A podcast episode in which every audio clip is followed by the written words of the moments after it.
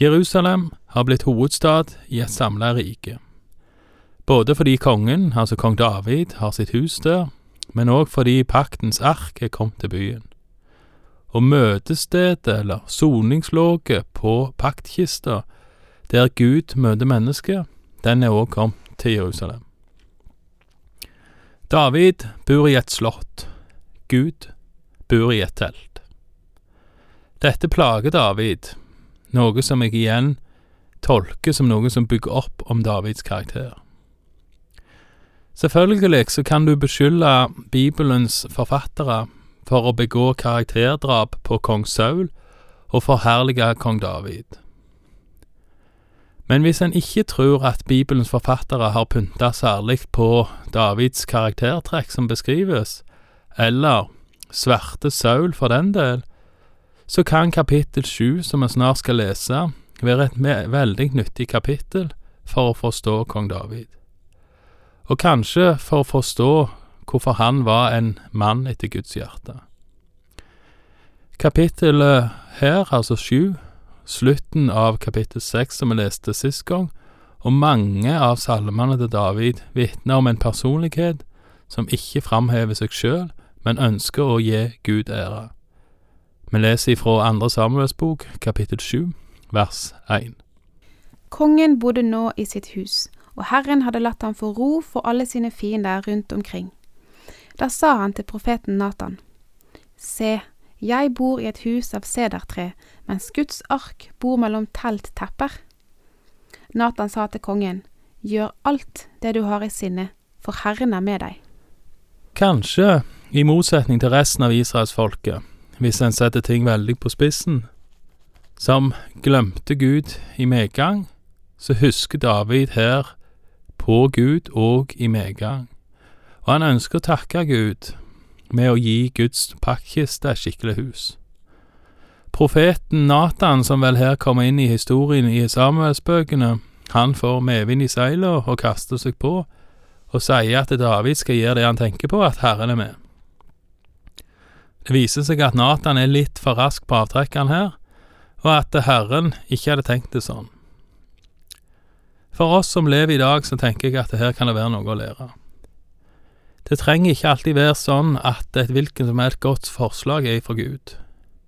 Det trenger ikke være omvendt heller, for den del. Men det kan være en idé å vente lite grann før en kjører på med det ene tiltaket eller det andre, enten en tror det er etter Guds vilje eller ikke. Her leser vi at Herrens ord kom til Natan om natta. De fleste opplever vel ikke Guds ledelse så konkret, men det kan allikevel uansett være en god regel å vente en natt eller to, til følelsene har roa seg ned, før en avgjør om en ønsker å gå i gang eller ikke. Samme hvor fornuftig det måtte se ut ved første øyekast. Uansett, vi leser videre fra vers fire. Men samme natt kom Herrens ord til Natan, og det lød slik. Gå og si til min tjener David, så sier Herren, skal du bygge meg et hus til å bo i, jeg har jo ikke bodd i hus helt fra den dagen jeg førte Israels barn opp fra Egypt og til denne dag, men jeg har vandret om i et telt, i et tabernakel. Har jeg vel, hvor jeg så har vandret om med alle Israels barn, noen gang talt slik til en av dem som førte herskestav i Israel, en som jeg hadde satt til å vokte mitt folk Israel. Hvorfor har dere ikke bygd meg et hus av sedertre? Derfor skal du så si til min tjener David. Så sier Herren herskarenes Gud, jeg tok deg fra beitemarken der hvor du fulgte saueflokken, og satte deg til fyrste over mitt folk Israel. Og jeg var med deg overalt hvor du gikk. Jeg utryddet alle dine fiender for deg, og jeg har latt deg vinne et stort navn. Så stor som de største på jorden har det. Jeg vil gjøre i stand et bosted for mitt folk Israel og plante det der. De skal få bo på sitt sted og ikke uroes mer. Urettferdige mennesker skal ikke plage dem lenger, slik det har vært like fra den dagen jeg satte dommere over mitt folk. Jeg har latt deg få ro for alle dine fiender, og nå forkynner Herren deg at Herren vil bygge deg et hus. Gjennom profeten Natan forteller Gud om hvordan han har gjort David til noe stort, hvordan han har gitt David et stort navn, og gjort Israel til et stort folk, uten at han har gitt påbud om at noen som hersker over Israel, skal bygge ham et hus. Snarere tvert imot så forkynner Natan at Gud vil fortsette å befeste Davids hus og Davids trone over Israel. Natans tale er også gjengitt i første krønikerbok, kapittel 17.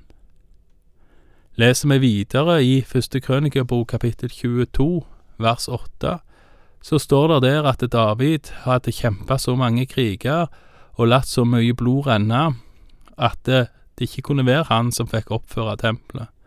Derfor ble den jobben gitt til sønnen Salomo. David på si side samla mye av tingene som trengtes, sånn at mye av materialene var klar. Vi leser videre om løftet til David og hans hus, eller slekt, fra vers tolv. Når dine dagers tall blir fulgt, og du hviler hos dine fedre, da vil jeg etter deg oppreise din sønn som skal utgå av ditt liv, og jeg vil grunnfeste hans kongedømme. Han skal bygge et hus for mitt navn, og jeg vil trygge hans kongetrone til evig tid. Jeg vil være hans far, og han skal være min sønn. Når han gjør det som ondt er, vil jeg tukte ham med menneskers ris og med menneskebarns plager. Men min miskunne skal ikke vike fra ham, slik som jeg lot den vike fra Saul, han som jeg lot vike plassen for deg. Ditt hus og ditt kongedømme skal stå fast til evig tid for ditt åsyn, og din trone skal være grunnfestet til evig tid. Alle disse ordene og hele dette synet bar Natan fram for David. Det som sies her, er veldig sentralt, og det gjør andre Samuels bok kapittel sju til et av eh, Det gamle testamentet sine virkelig sentrale høydepunkt. Det som her sies av Nathan, kan tolkes på flere måter, og jeg vil presentere to måter å tolke dette på, eller forstå det på. To måter som egentlig ikke utelukker hverandre, men som henger sammen. Den ene måten å forstå det på er at det er kong Salomo som kommer etter David på tronen, og som er Davids sønn, at det er han Natan snakker om. Det er kong Salomo som bygger tempelet for Herren. Men det sto ikke til evig tid, verken tempelet eller kongedømmet. Da må en annen sønn av David, en annen etterkommer av David, komme på banen, og det tror vi er Jesus. For å trekke de lange linjene. Etter syndefallet kom løftet om frelse for alle folkeslag helt klart til uttrykk allerede gjennom løftet til Abraham i første Mosebok. Abraham og Sara var barnløse og veldig gamle. De får et løfte om å få en sønn, og et løfte om at gjennom Abrahams slekt så skulle alle folkeslag velsignes. Dette løftet blir gjentatt flere ganger, og nå gjentas det igjen, mer konkret med at det skal komme en konge til evig tid, som skal være Guds sønn og sitte på Davids trone til evig tid. En annen ting som er verdt å merke seg, er at løftet til David òg er mer konkret når det gjelder sted. Løftet knytter seg til Davids trone, og Davids trone er i Davids by, i Jerusalem. I Bibelens siste kapittel, kapittel 21 i Johannes' åpenbaring, forteller Johannes om hva som skal skje når Jesus kommer igjen. Vi leser det fra vers 1. Og jeg så en ny himmel og en ny jord for den første himmel og den første jord var veket bort, og havet er ikke mer. Og jeg så den hellige by, det nye Jerusalem, stige ned ut av himmelen fra Gud, gjort i stand som en brud som er prydet for sin brudkom. Fra tronen hørte jeg en høy røst som sa, Se, Guds bolig er hos menneskene. Han skal bo hos dem, og de skal være hans folk. Og Gud selv skal være hos dem og være deres Gud. Han skal tørke bort hver tåre fra deres øyne, og døden skal ikke være mer, og ikke sorg, og ikke skrik, og ikke pine skal være mer, for de første ting er veket bort.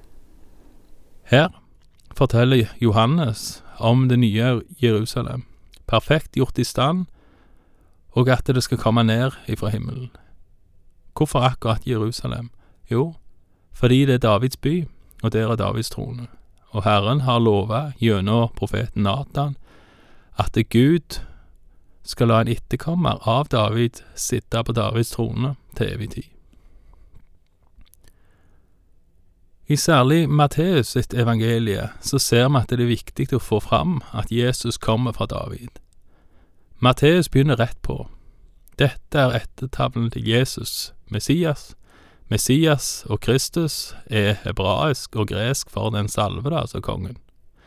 Dette er ettertavlen til Jesus Messias, Davids sønn og Abrahams sønn. Og så kommer ettertavlene. Dette har Matteus gjort for å vise at Jesus er etterfølger av både Abraham og David, sånn at Jesus står i direkte linje og skal oppfylle løftene Gud har gitt nettopp til Abraham og David, som vi nettopp snakket om. Løftet som Nathan nettopp har gitt David i andre Samuelsbok, kapittel sju, er så sentralt at det er Grunnen til at Matteus starter med å knytte Jesus, Messias, altså Jesus Kristus, til David, og er òg grunnen til at Johannes' åpenbaring sier at Jesu evige trone skal ligge i Jerusalem.